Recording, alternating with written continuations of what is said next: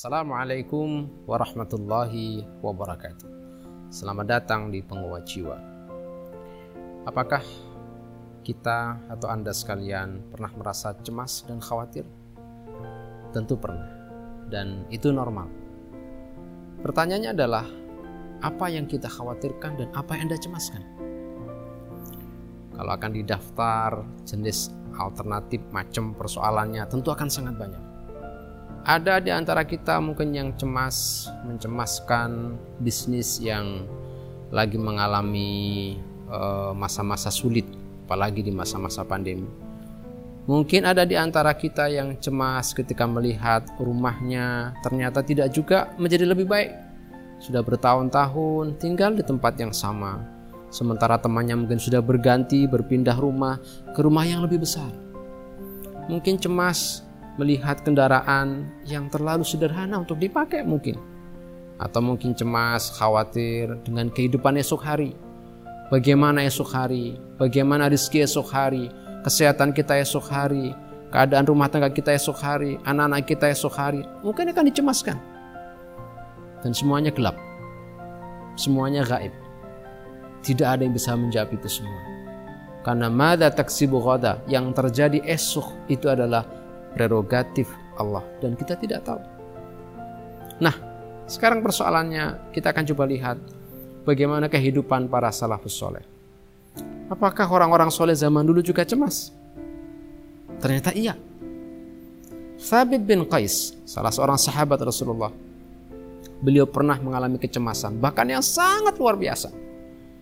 Beliau menangis berhari-hari Thabit ini. Sampai berhari-hari dia nggak keluar rumah menangis terus.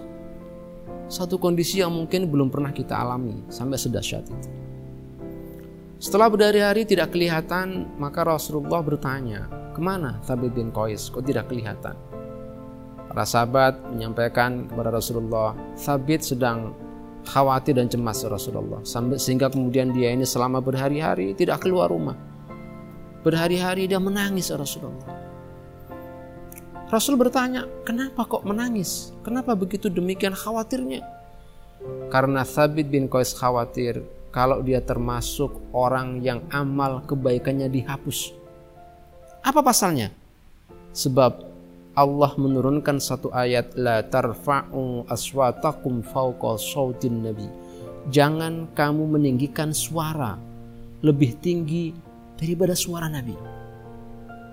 Apa resikonya? Kalau sahabat umat Islam meninggikan suara yang melampaui suaranya Nabi, maka resikonya amal kebaikannya akan dihapus oleh Allah. Thabit bin Qais ini khawatir. Kenapa? Karena dia ini orang yang memang kalau dia bicara suaranya tinggi. Jadi bukan karena meninggikan suara, tapi memang dia ini suaranya tinggi. Jadi kalau bicara itu melengking, suaranya itu keras. Sehingga dia khawatir. Jangan-jangan saya terkena uh, akibat dari suara tinggi itu kemudian menjadi rugi. Maka Rasulullah ketika mendengar tentang alasan kecemasan Thabit bin Qais, Rasul menerangkan bahwa Thabit bin Qais ya'ishu dajidan, jayidan, dia akan hidup dalam keadaan baik. Wa yuqtal syahidan, dia akan terbunuh dalam keadaan syahid. Wa yadkhulul jannah dan dia akan kelak besok masuk ke dalam surga. Itulah para sahabat. Mereka juga cemas.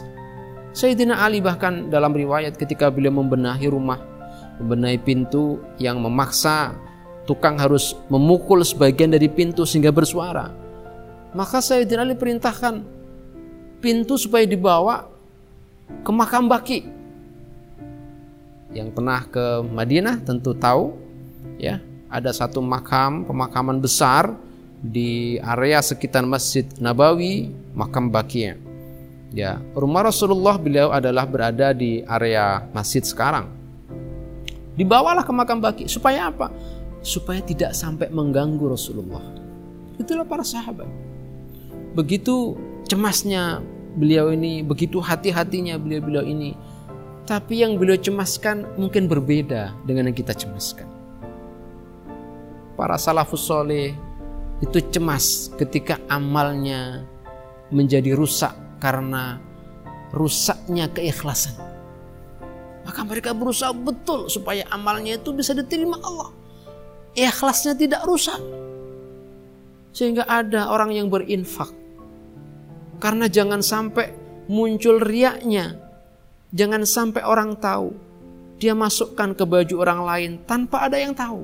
Bahkan yang menerima pun tidak tahu. Sedemikian itu karena mereka menjaga jangan sampai amalnya rusak. Itu yang mereka khawatirkan. Hari ini mungkin kita juga khawatir.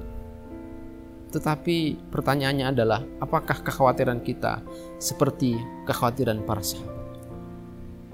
Umar bin Khattab suatu saat dia datang ke rumah Hudzaifah al-Yamani. Karena Hudzaifah ini salah satu sahabat yang pernah secara langsung diberitahu Rasulullah tentang orang-orang munafik.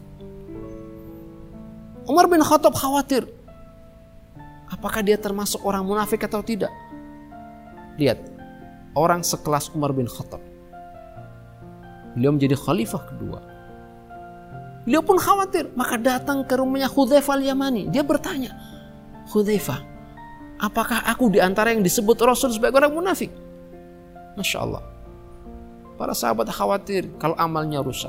Khawatir dalam dirinya ada kemunafikan. Khawatir lisannya berbohong. Khawatir khianat terhadap amanah. Itu yang mereka khawatirkan. Bahkan sampai kemudian dia menangis. Sampai mencari tahu. Karena khawatir dirinya menjadi orang yang rugi. Hari ini kita mungkin juga khawatir. Tapi lihat apa yang kita khawatirkan. Apakah kekhawatiran semacam itu? Ataukah khawatir dengan urusan-urusan yang selalu kita hadapi tiap hari ini? Urusan bisnis, rumah tangga, dan sebagainya. Tentu Anda yang tahu. Demikian, semoga kemudian refleksi singkat ini bisa membuat kita menjadi punya satu pemikiran yang baru, yang lebih fresh untuk melihat lebih jernih kehidupan kita. Semoga penguat jiwa ini menguatkan jiwa saya dan jiwa Anda semuanya. Assalamualaikum warahmatullahi wabarakatuh.